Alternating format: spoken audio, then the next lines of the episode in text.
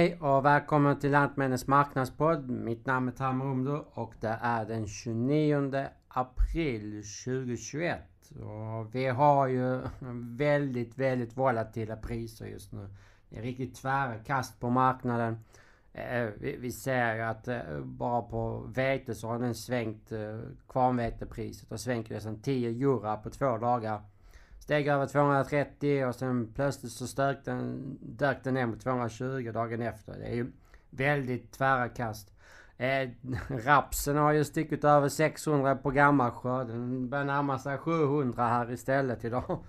Och det, det, är väl... Och då har vi inte ens påbörjat den här vädermarknaden. Vi är ungefär en månad in. Vi har, vi håller på att avsluta april. Fortfarande kvar maj, juni, juli, augusti.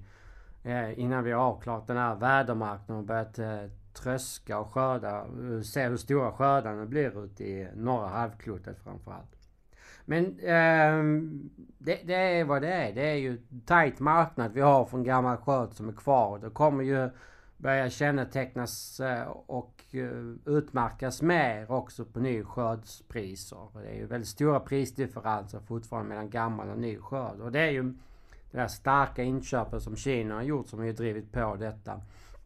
USD sänkte eh, amerikanska majslagren till eh, 34 miljoner ton eh, senaste rapporten. Och eh, tittar vi var exporttakten ligger eller försäljningstakten ligger just nu från USA. Det ligger på 67 miljoner ton. Och USDs totala export från USA eh, ligger på 68 miljoner ton.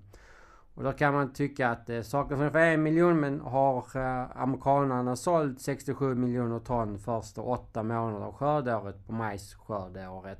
Så de fyra månader på sig att sälja en miljon ton så det är ju någonting som inte stämmer här och det är väl någonting som USD kommer ju börja justera. Risken är att vi faller ner mot lagernivå i USA ner mot kanske 20-25 miljoner ton och då är det lägsta lagersiffrorna vi har på majs sedan eh, tork, den stora torken i USA drabbades 2012. Och vi hade ja, Matifpris nära, jag tror runt 280, närmare 300 nästan. Och det är lite det marknaden börjar känna av, att det är ju väldigt, väldigt tight just nu situationen. Och det hjälper ju inte och majsen är ju den stora foderspannmålen globalt sett och det är den som sätter lite taktpinnen just nu. Även sojaoljan och vete har framförallt högprotein. Men på foderspannmål så är det majsen som driver på och då är ju fokus nu mot Sydamerika. Det går ju... I Argentina går det lite långsamt, det har regnat lite där. Men Brasilien som är den stora producenten ska producera sin andra majsskörd, så kallad safrinja, som står ungefär för 80% av produktionen. Där är det rejält torrt. Det ser ju väldigt Ja, det ser inte dåligt det ser riktigt dåligt ut. Det, det är ju, det sticker ut här. Um, framförallt tittar vi närmsta 15 dagarna så är det vissa regioner som inte får någon regn och tittar man tillbaka 60-30 dagar så har de inte haft någon regn heller. Nederbörd överhuvudtaget. Så det har ju varit väldigt begränsade mängder och det gör ju att detta kan bli riktigt illa på sina håll ute i, i Brasilien. Och samtidigt så vet vi att sådden var ju ungefär 25% såddes efter den där viktiga tidsfönstret stängde i Brasilien. På grund av att det var ju för blött och det tog för lång tid att tröska sojabönorna och sen därefter försöka så majsen. Så det ser ju riktigt illa ut nu just för Brasilien. Och Brasilien förväntades kunna exportera mm, kanske mot 35-40 men nu ser det ut som att vi får nog sänka det med 10 miljoner ton, någonting sånt. Det har ju redan kommit sänkningar från inhemska analyser mot skörd mot runt 100 miljoner. Till skillnad från USD som förväntar sig att Brasilien kommer få majsskörd på 109 miljoner ton. Och risken tror jag, sannolikheten är rätt så stor att vi faktiskt kommer att se ytterligare sänkningar eh, närmsta veckorna på tanke på hur väderprognoserna signaleras just nu. Och det, det är ju... Då, då bör någon ersätta detta. Eh, Ukraina är tomt, eh, tömd Eh, på majs. Då får vi vänta till eh, september eller någonting sånt innan vi får tag på majs därifrån. Argentina lyckas få 45 miljoner ton men det är väl någonting marknaden förväntar sig. Och en väldigt stor andel är ju såld också därifrån. Då är det en... Då finns det bara ett land man kan vända sig och det är USA. Och där kommer det också bli problem på tanke på att eh, det finns ju inte så mycket kvar där heller i lager. Till nästkommande skörd som kommer tröskas någon gång i september och eh, oktober. Så detta driver ju på framförallt på foderspannmålssidan. Sen är det ju annat som driver på. Eh, från eh, USA så har ju där eh, sådden har kommit igång. Majsen är 17% sådd eh, jämfört med samma period 24% och eh, en snitt på 20% på femårssnittet. Eh, vad som går snabbast är ju vårvetesådden. Den är ju 28% sådd var siffran som visades som kom i måndags jämfört med 13% förra året. Och en femårssnitt på 19 procent. Och det är framförallt North Dakota som är eh, delstat som gränsar mot kan, eh, kanadensiska, alltså mot Kanada. Och det, där är den största producenten. De producerar ungefär 50 procent av vårvete och står ungefär för som i sin tur står ungefär för en tredjedel av eh, veteskörden i USA. Och där är det extremt torrt. Extrem, extrem, extrem torka. Det är ju fördel nu när man ska kanske så att man kan kanske komma igång att det är torrt och istället och komma igång. Men det är ju inte någon fördelaktigt när grödan ska börja gro att du har ju extrem torka för att få en bra skörd på gång. Så här, här är ju lite, och detta är marknaden driver på. Vi ser att lite hög högproteinpriser har ju stuckit iväg lite mer. Framförallt vårvetepriset i USA är den som leder vetepriset just nu. Eh, tillståndet för höstvete kom ju också siffror där. Den föll ju. Den föll ner mot 49 procent. Jag tror det var 53%. Eh, lite sämre. Det har varit kyla där. Frosten har märkts och så har det varit lite torr på sina områden. Så det, är ju, det börjar också eh, lantbrukarna i USA upptäcka. Detta är jämfört med 54% förra året och en snitt på 53. Så vi ligger något lägre i tillståndsvärden jämfört med snittet ligger. Jag tror det blir rätt så okej okay skördar på höstvete åtminstone. Men återigen, vi behöver ju inte okej okay skörd. Vi behöver ju riktigt, riktigt bra skördar för att detta här marknaden skulle svälja på tanke på det här underskottet vi kommer ha från eh, gammal sköt som det ser ut just nu. Går vi vidare mot, eh, passerar över Atlanten in på vår eh, front ut mot Europa så har det varit också torrt i sina områden. Framförallt i södra Storbritannien och eh, norra delarna av Frankrike. Stora områden av höstveteproduktioner Eh, producenter här i regionerna. Men det har kommit nederbörd nu och det ser ut att väldigt komma tillräckligt mycket nederbörd de närmsta två veckorna eh, för större delen av Europa. Och det är kallt också här, till skillnad från USA eller från eh, Brasilien man ska säga så. Det är ju kallare än normalt. Och detta gör ju att grödorna mognar lite mycket långsammare och kommer den här nederbörd som ser ut de närmsta två veckorna. När en front efter ny front efter ny front. Om det skulle infrias så kommer vi eh, kunna få riktigt bra skördar här i Europa. Och eh, jag, jag, tror vi kan få en av de topp tre, skulle vi lätt kunna säga, bästa skördarna i Europa. På tanke på hur, hur kallt det är och hur mycket nederbörd som är på väg. Det, det är väl det som ser som lite negativt ut, det, om man ska säga så, som det är ju Frankrike och Storbritannien. Även Spanien eh, lyckas inte nu komma upp till några bra skördar. Ändå om det är okej. Okay. Det var ju så att de fick en mm, väldigt kass eh, mars månad här. Som är rätt så viktig för deras del egentligen. Men de hade ju rätt så bra fuktighet i marken innan dess. Men det, det, har ju också påverkat att de kommer kanske upp i det så här avkastningen som de fick förra året med rekordavkastningen. Så jag tror att Frankrike och eh, Storbritannien är kanske bra till normalskördar medan resten av Europa kan få riktigt, riktigt bra. Framförallt östra delarna eh, mot Rumänien, Bulgarien och Polen ser ju jättebra ut. Även östra delarna av Tyskland exempelvis. Så tror jag att vi, vi, det ser ut som får bra fronter här också mot våra regioner. Eh, med det här kallare vädret så kommer detta gynna avkastningen rätt så rejält runt eh, länderna kring Östersjön, eh, inklusive Sverige. Så vi får se.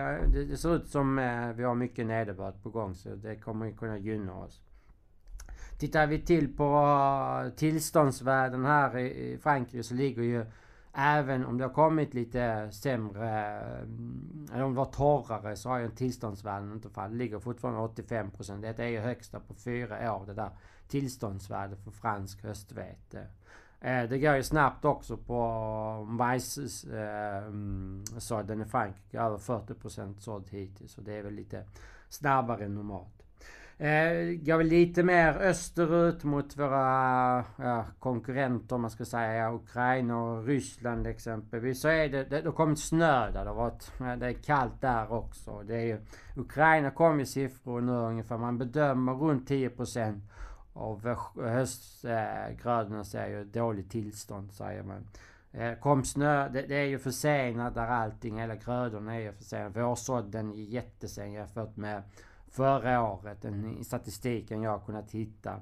Eh, ungefär två veckor försenat. I, I Ryssland pratar man att eh, höstvete är ungefär tre veckor försenat jämfört med vad som är normalt i den här grödutvecklingen. Och det har jag just att göra med att det blev förmodligen ingen uppkomst innan den gick in på vintern. Det var ju väldigt, väldigt torrt när de sådde där. Och det, det, ser ju inte så grönt ut när man tittar på det. Det finns sådana bilder, jag brukar titta på sådana eh, satellitbilder som finns utom eh, vegetationsindex som det heter. Och det, det ser ju inte tillräckligt grönt så mycket indikerar på att det är sent. Men det har kommit även information att det har varit en del utvintring, en del snömögel.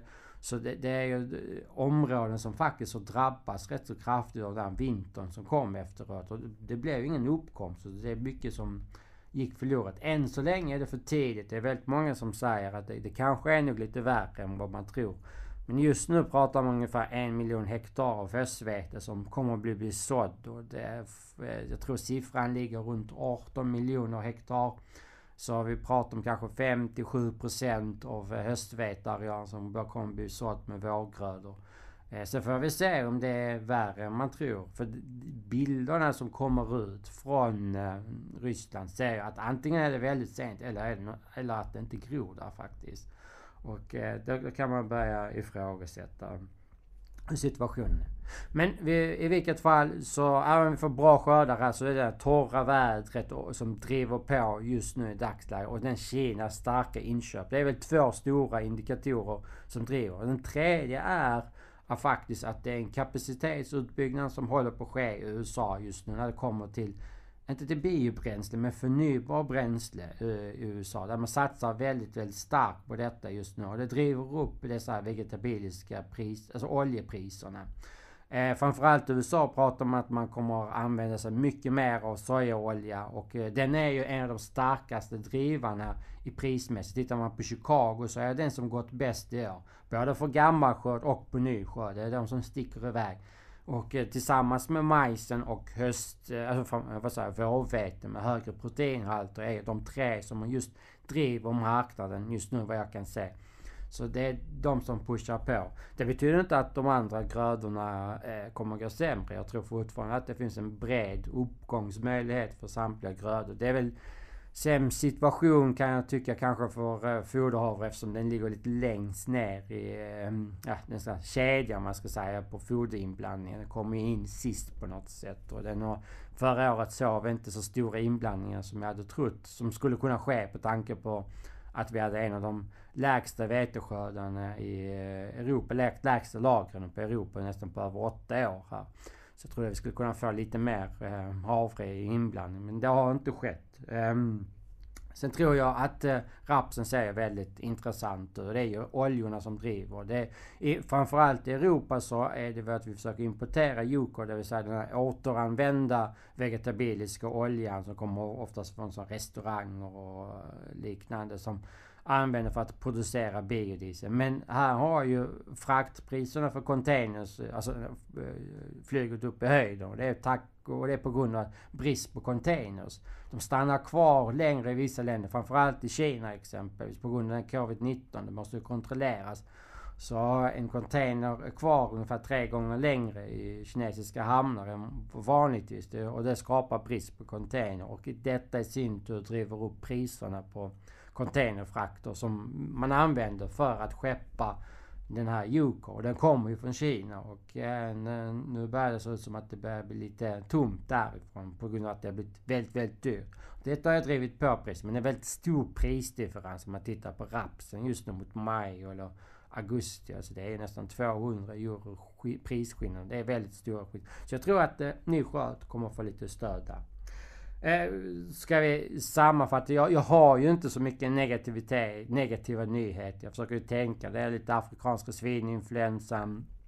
Och sen är det väl att priserna börjar stiga upp. Vi såg exempelvis Egypten som var ute med en tänder en anbud på vete som cancellerades. Eh, de fick inte de priserna de ville. De tyckte det var lite för högt. De var redan ute på ny skörd. Det är väldigt tidigt från Egypten som är den stora veteimportören att försöker köpa in så här tidigt. Och de försökte få lite lägre priser men de fick inte. Framförallt ryssarna har ju svårt att komma ut med lägre priser.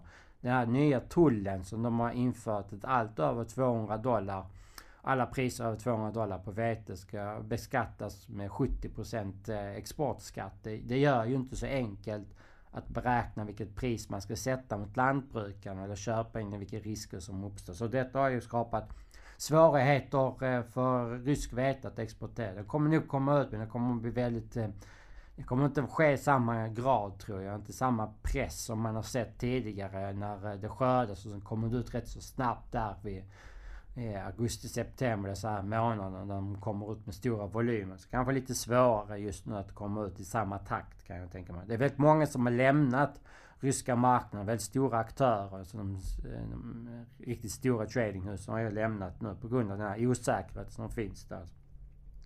Men Avslutningsvis fortfarande väldigt explosiva marknader. Vi är ju inte i närheten av... Vi har precis börjat värdemarknaden här på norra halvklotet. Och med Brasilien i spetsen så ser det ut som att det kan ju finnas mer uppsida. Sen är det väl det att marknaden har ju prisat in väldigt mycket negativa nyheter. Skulle skördarna gå åt andra hållet, det börjar bli som det ser här ut. Liksom, det blir kallt och mer regn. Skulle vi se samma utveckling i USA och har fortsatt en bra utveckling för eh, grödorna också vid eh, Ukraina och Ryssland så kan det, detta ändra sig rätt så snabbt. Det är väldigt höga priser. Men eh, jag tycker det finns fortsatt uppsida här ett tag till åtminstone på grund av att eh, rådande osäkerhet med utbud och den torr och den väldigt tajta situationen med gammal skörd. Tack för att ni lyssnar. Ha en fortsatt bra dag. Hej hej!